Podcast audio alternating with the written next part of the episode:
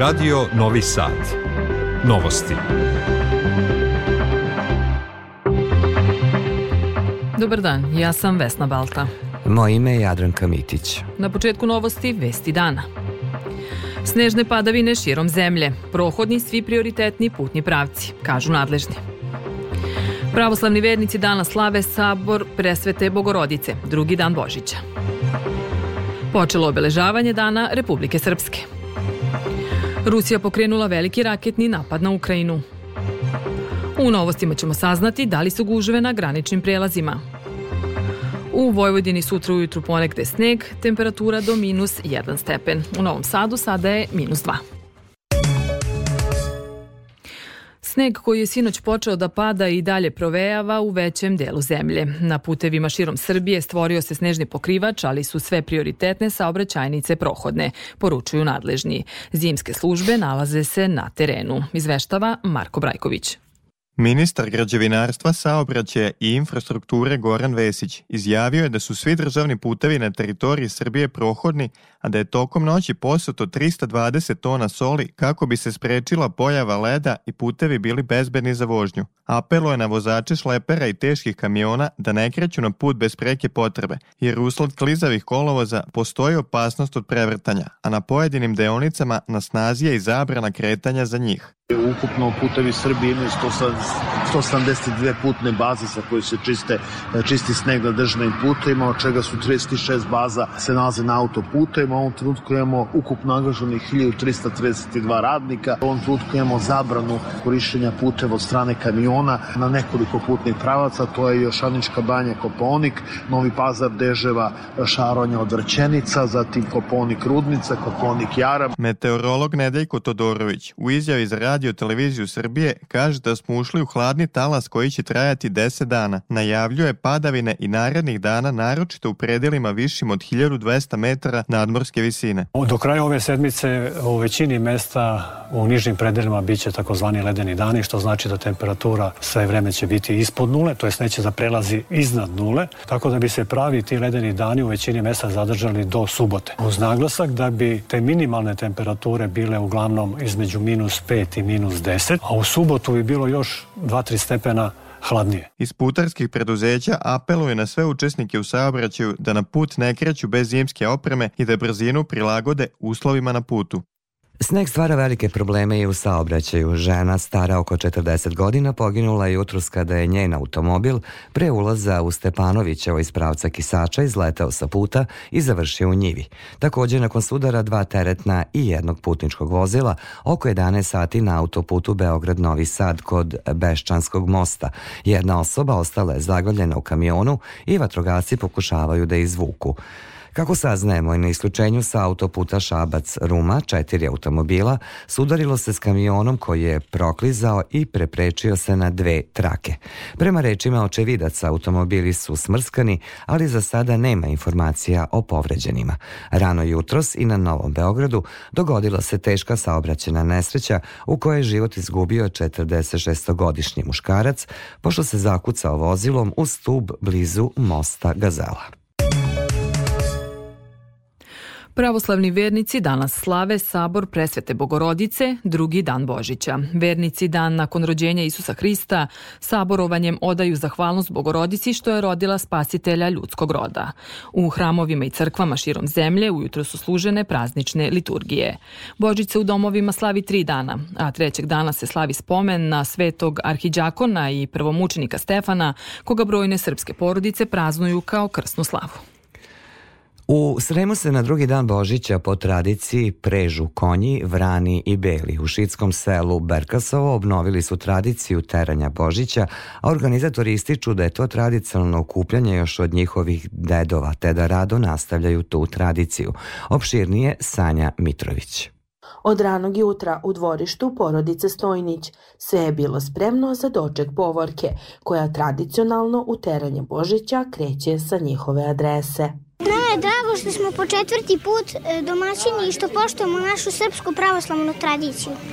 Izjavio je Konstantin Stojnić, najmlađi domaćin. Drugačije nije bilo ni u drugim domaćinstvima u Berkasovu, gde su konjanici rado dočekani, okićeni i posluženi.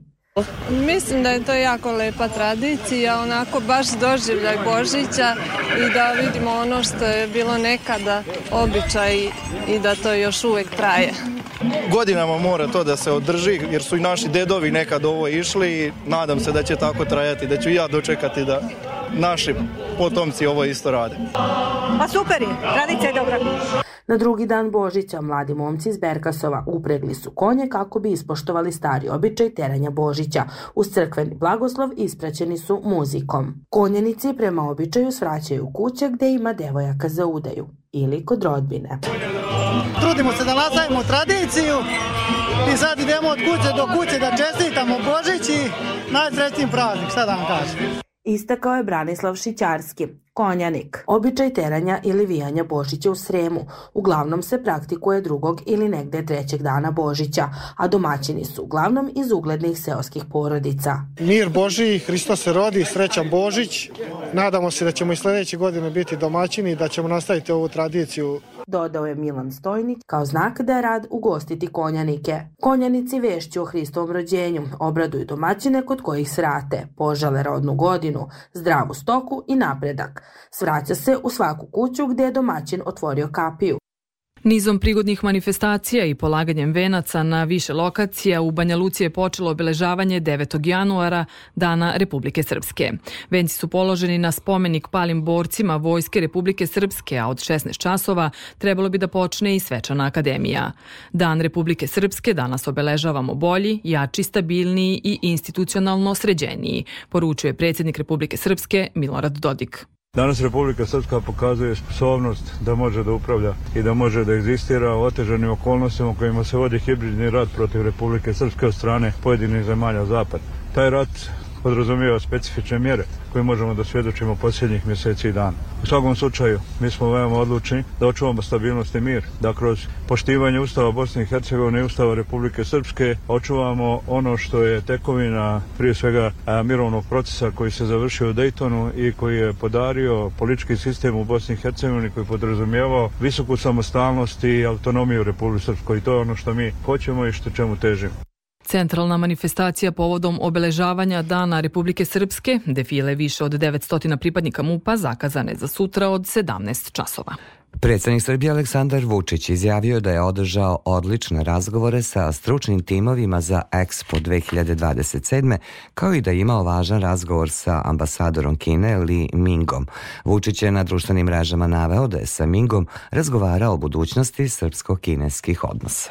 Ministar odbrane Miloš Vučević izjavio je da se Srbija time što je pokrenuta inicijativa za ponovno uvođenje obaveznog služenja vojnog roka ne sprema ni za kakav rat, već da se sprema da čuva mir i slobodu i dodao da bi jaka vojska Srbije bila još jedan odvraćajući faktor za sve one koji su zlonamerni prema našoj zemlji.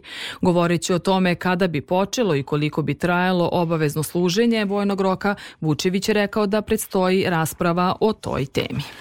Ministar financija Siniša Mali izjavio je da je novac najmanji problem kada se razmišlja o ideji obaveznog služenja vojnog roka i on smatra da je to ideja gde novac ne treba da se dovede u pitanje. Mali je istakao da je jaka srpska vojska garant mira i slobode i dodao da bi bilo neodgovorno u ovakvoj bezbednostnoj situaciji u svetu ne razmišljati o bezbednosti Srbije i jačanju vojske. Svet Opao je nivo vode u križnoj jami, pa bi uskoro trebalo da počne akcija izvlačenja petoro zarobljenih ljudi koji se od subote nalaze na skoro 2500 metara od ulaza u tu pećinu u Sloveniji. Tročlana porodica i dvojica vodiča zarobljeni su treći dan. Akcija spasavanja počela je već u subotu popodne, a do sada su dve ekipe ronilaca odlazili do njih kako bi im obezbedili osnovne potrebštine. Nekoliko dana nakon stupanja na snagu vizne liberalizacije, Španija je priznala pasoše koje izdaju institucije u Prištini. Ministarstvo spoljnih poslova Španije saopštilo je da ovakav razvoj događaja ni na koji način ne podrazumeva priznavanje Kosova. Sve zemlje koje priznaju Schengen prihvatile su upotrebu kosovskih pasoša. To ni na koji način ne znači priznavanje Kosova. Bez ove izmene, nosioci ovih pasoša imali bi probleme da legalno posećuju zemlje koje ih ne priznaju. Navodi se u reakciji Španskog ministarstva inostranih poslova. Evo i ostalih vesti. Više od 23.000 palestinaca je ubijeno, a skoro 59.000 ranjeno od početka sukoba Izrela i Hamasa, saopštilo je Ministarstvo zdravlja u Gazi. Palestinski mediji javljaju da je danas najmanje osmoro ljudi ubijeno u izraelskim vazdušnim udarima u gradu Deir el Balahu u centralnoj Gazi. Izraelska vojska je saopštila da je noćas izvela najmanje 30 vazdušnih napada na lokacije Hezbolaka u Libanu.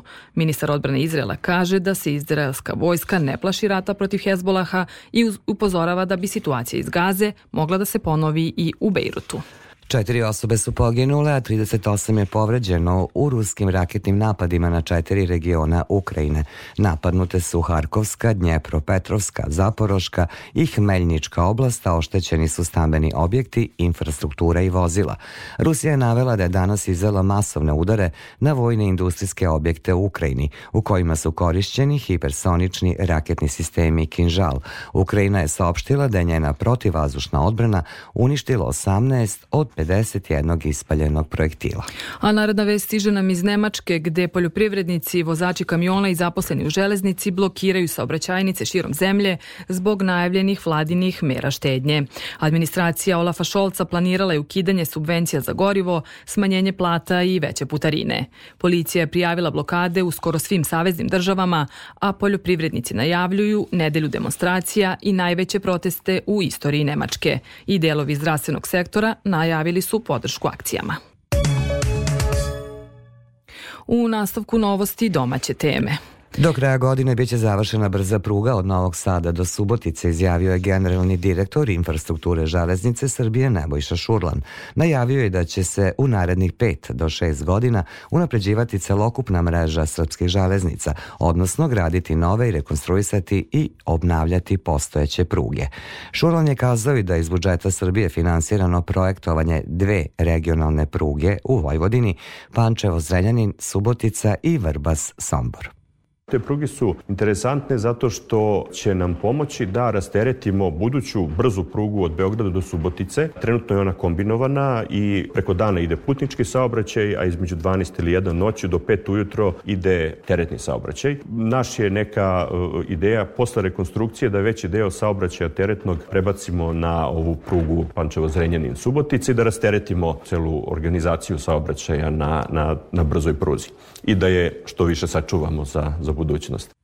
U 2024. godini očekuje se realizacija dugo najavljivane proizvodnje Stellantisovih električnih automobila u Srbiji. Procene su da će sredinom godine u Kragujevcu biti predstavljen novi model automobila na struju koji još zvanično nema naziv, ali ono što se zna jeste da će se novih hiljadu radnika zaposliti, dok će proizvodnja obuhvatati i firme iz cele Srbije koje će izradom komponenti indirektno učestvovati u proizvodnji električnih automobila. Kragujevca, Ana Rebić. Pripreme za proizvodnju Stellantisovih električnih automobila u Kragujevcu su uveliko otpočele, radnici se obučavaju, a u pogon se dovoze nove mašine i oprema. Predsednik samostalnog sindikata Fiat Automobili Srbija Saša Đorđević kaže da zaposleni očekuju da će već sredinom 2024. godine prvi modeli automobila sići sa proizvodnih traka. Automobil koji mi radimo je nešto zaista novo. Prvo, to je potpuno električan automobil, nešto što će biti po svim mogućim kriterijima novog standarda proizvodnje automobila u svetu. Drago mi je što se sa Kragujevcom priča nastavlja i Kragujevac ponovo se vraća zaista na velika vrata e, na mapu svetskih pođača automobila. Kragujevac ima dugu tradiciju automobilske industrije, a novi korak u ovoj proizvodnji odrazit će se i na ekonomiju kako grada, tako i regiona Šumadije, objašnjava predsednik privremenog organa grada Kragujevca Nikola Dašić. Ja mislim da imamo negde blizu pola milijarde spoljno-trgovinskog suficita, znači da smo za toliki negde iznos oko 450 miliona evra više izvezli praktično nego uvezli, a taj će broj da doživi ozbiljan skok sa novim modelom koji će se proizvoditi u Kragujevcu iz Kragujevca izvoziti u zemlje širom sveta. Ja očekujem da ovaj novi model, s obzirom da se radi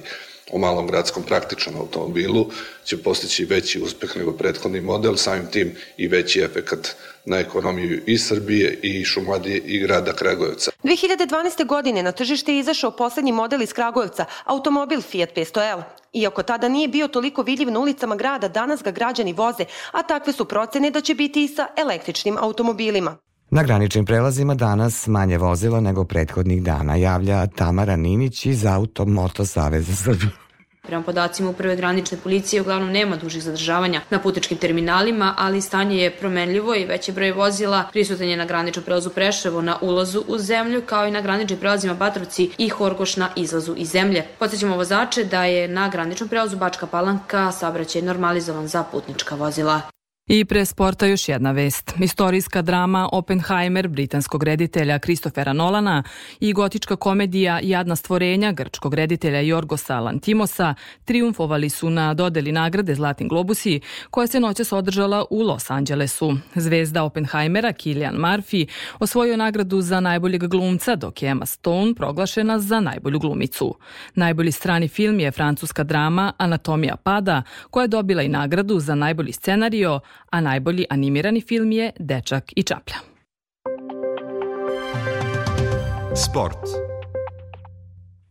Vaterpoliskinje Srbije od 16 časova u holandskom Eindhovenu igraju protiv selekcije Hrvatske u borbi za plasman u četvrt finale Evropskog prvenstva. A košakaši borca dočekuju u srpskom derbiju ekipu Mege u utakmici 15. kola regionalne ABA lige. Utakmica počinje u 18 časova u Čačku.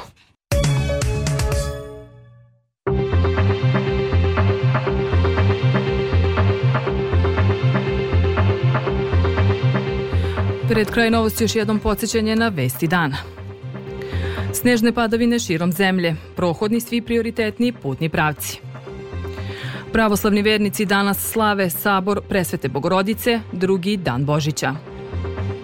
Polaganjem venaca na spomenik palim borcima Vojske Republike Srpske počelo obeležavanje dana Republike Srpske. Rusija pokrenula veliki raketni napad na Ukrajinu.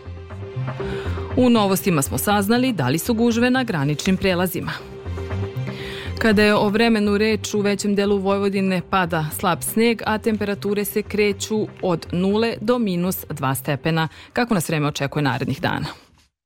U Vojvodini utorak ledeni dan, ujutru slab do umeren mraz, a dnevna temperatura ispod 0 stepeni. Oblačno ujutru mestomično sa slabim snegom, prepodne prestana padavina, posle podne suvo uz delimično razvedravanje. Jutrena temperatura od minus 5 do minus 3, a najviše dnevno od minus 3 do minus 1 stepen. U Vojvodini do nedelje jutra hladno, uz umerene i jake jutarnje mrazeve i mestimično maglo, a danju umereno oblačno suvo i hladno sa najvišom temperaturom oko 0 stepeni.